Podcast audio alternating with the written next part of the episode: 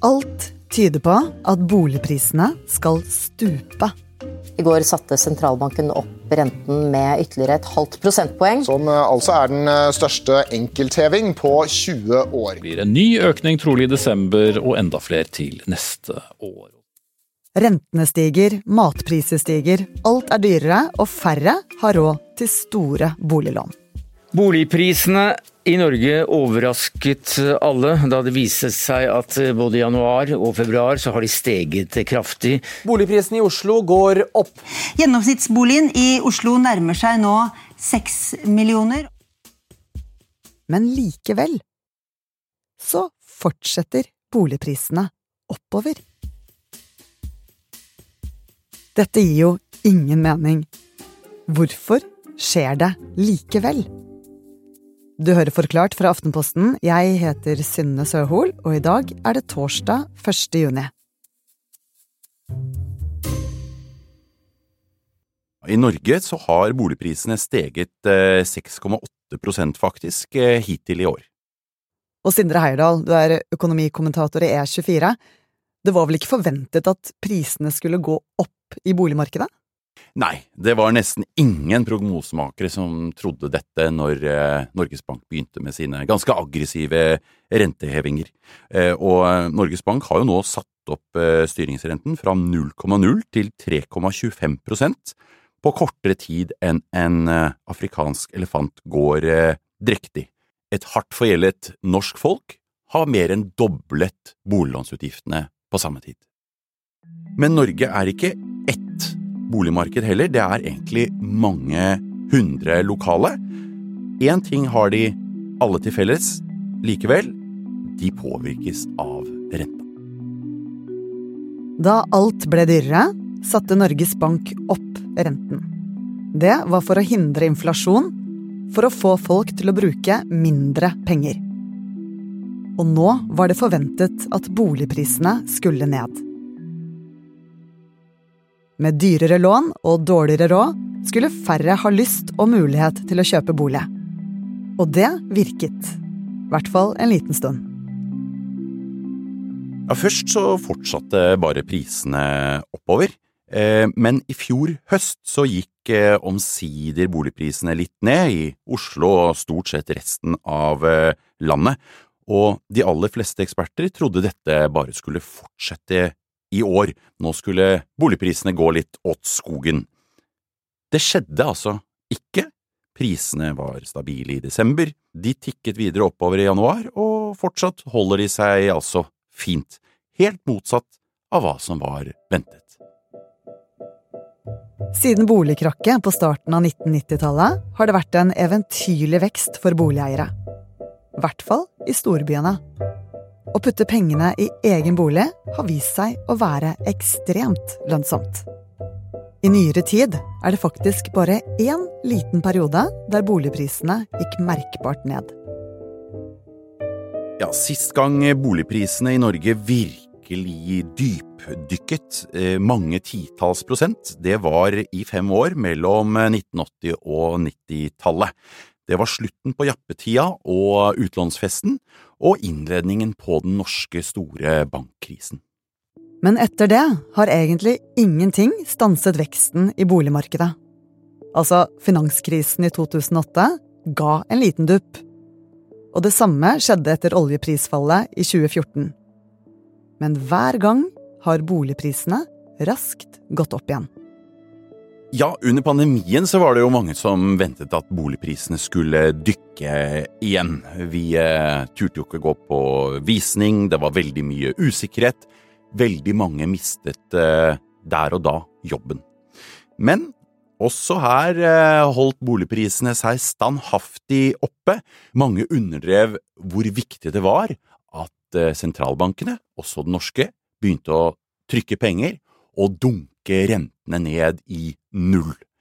Penger ble så godt som eh, gratis, og ga veldig mange et voldsomt insentiv til å ta opp eh, enda mye mer lån og kaste seg inn i budrunder.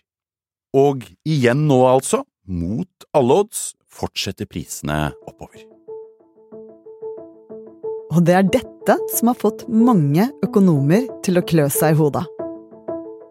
hva er det som skal til for å stoppe prisveksten?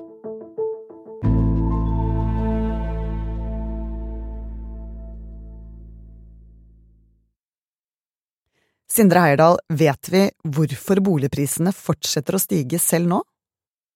Ja, Det finnes en god del eh, gode grunner til at prisene holder seg så godt oppe, selv om folk får dårligere råd. Vi kan eh, vel egentlig si at det er fire gode grunner. Det første er boligbygging og innvandring, og særlig gjelder dette storbyene. Flere flytter inn enn antall nye boliger som eh, bygges. Vi har økt etterspørsel, samtidig altså som det bygges altfor lite og reguleres for lite tomter i sentrale strøk. Og vi har jo da fått veldig mange Ukraina-flyktninger i fjor, vi får mange i år. Det holder liv i tilflytningen, eh, og mange vil gå inn i leiemarkedet, men eh, også det bidrar til å gjøre det attraktivt å sitte på bruktboliger. Første grunn er altså etterspørsel, at det er flere folk som vil kjøpe bolig enn faktiske boliger. Og det henger sammen med grunn nummer to det bygges nesten ikke i Oslo. Ja, særlig i de største byene, og aller mest i eh, storbyen eh, Oslo med omegn, så er det et underskudd på boliger som eh, bygges, og det er bare blitt verre under og etter pandemien. Det er nesten full stopp i igangsetting og salg av nye boliger. Så av de nye boligene som faktisk blir bygd, så har salget stupt i flere måneder. Hvorfor er det sånn? En utbygger forhåndsselger eh, de fleste leilighetene, eller delte leilighetene eller eneboligene, før de er ferdige. Og selv om folk har holdt eh, forbruket oppe, så er de jo tross alt, viser nesten alt av målinger, mye mer pessimistiske rundt økonomien enn de var eh, før og da vil de ikke binde seg til en leilighet for eksempel som er ferdig først om en to–tre år, og i alle fall ikke hvis prisene er spådd å gå ned. Og Så er det også andre ting for eh, boligbyggerne. Det har vært eh, høye materialkostnader inntil nå omtrent. Det er dyrt å bygge, og særlig for Oslo så reguleres det for lite. For lite attraktive tomter der hvor folk vil bo sentralt. Mm. Men det at det da er eh, dyrere å bygge boliger, hvordan påvirker det boligmarkedet da? Ja, med stopp i byggingen av nye boliger, så presses jo en del av de som kunne vært veldig interessert i å få seg en flunkende ny leilighet. De presses over i bruktboligmarkedet, så da får vi flere som jakter på de samme type gamle boligene. Den tredje grunnen til at boligprisene stiger, handler om lån. For nå er det mye enklere å få lån av banken enn tidligere. Her er vi inne på en veldig viktig årsak til at eh, boligprisene har fortsatt å øke i år, at eh, nedturen i fjor høst bare var eh, forbigående. Og det er at regjeringen har endret på lånereglene. Det gjør at bankene igjen kan låne ut mer til folk som banker på døra.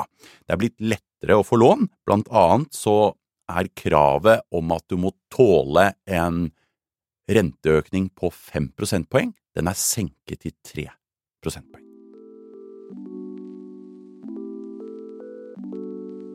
For i Norge har vi en helt unik ordning der det lønner seg å ha boliglån.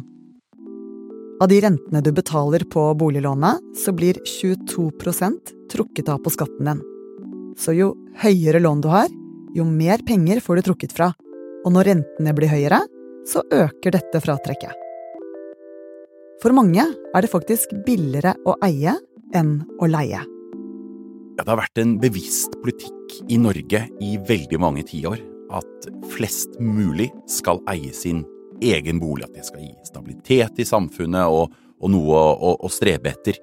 Og dette har slått gjennom i eh, folks bevissthet òg. Det ses nesten på som et nederlag for mange å leie. Sånn er det ikke i mange andre land. I Tyskland, i veldig mange land, så er det helt normalt å leie, selv om du har en strålende god eh, inntekt. Og rentefradraget, som vi nevnte, er jo da en del av den politikken som skal få folk til å eie egen bolig.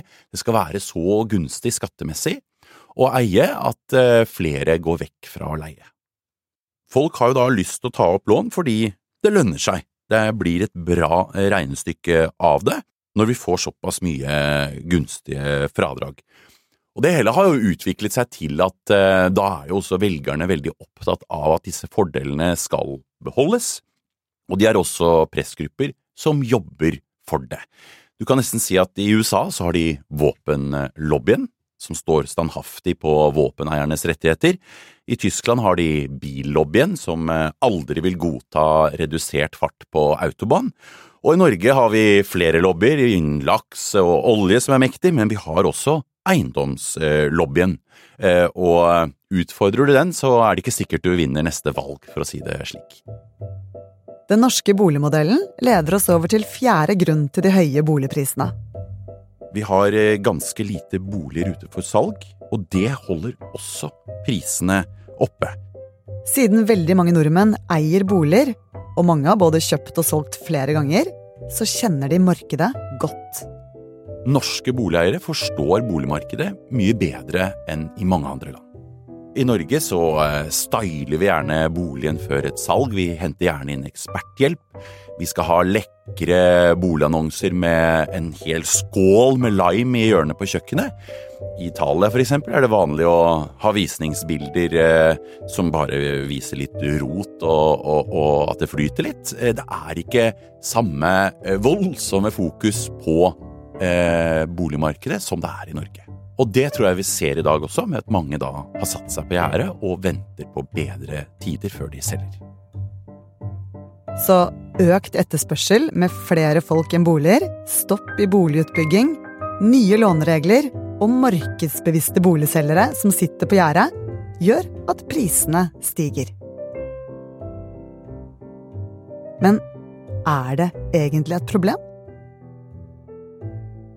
Det kommer jo veldig an på øyet som ser. Noen vil jo juble, som sitter godt i det, og så er det noen som eh, vil slite og, og, være frustrert fordi de vil inn i markedet og ser at prisene løper fra eh, drømmeboligen.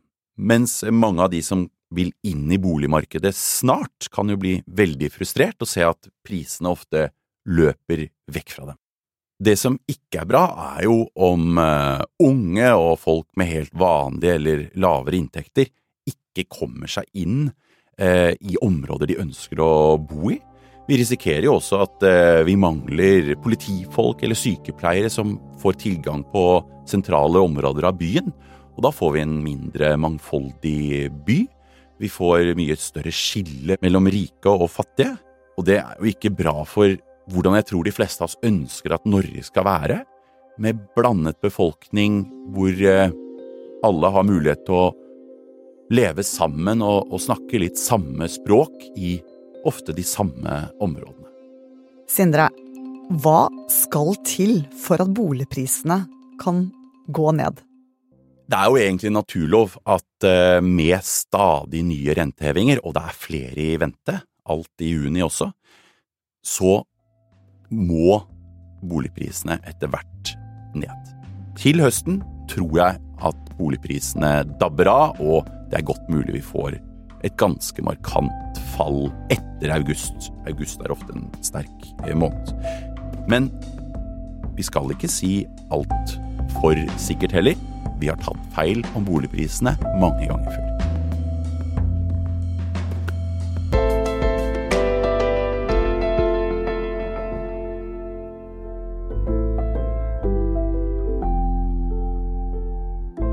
Du har hørt en podkast fra Aftenposten. Det var kommentator i E24, Sindre Heierdal, som forklarte deg hva som driver boligprisene opp. Denne episoden er laget av produsent Olav Eggesvik og meg, Synne Søhol. Resten av Forklart er Hanne Marie Maugesten, Jenny Førland, Philip A. Johannesborg og Anders Weberg. Lyden du hørte, er fra NRK og TV 2.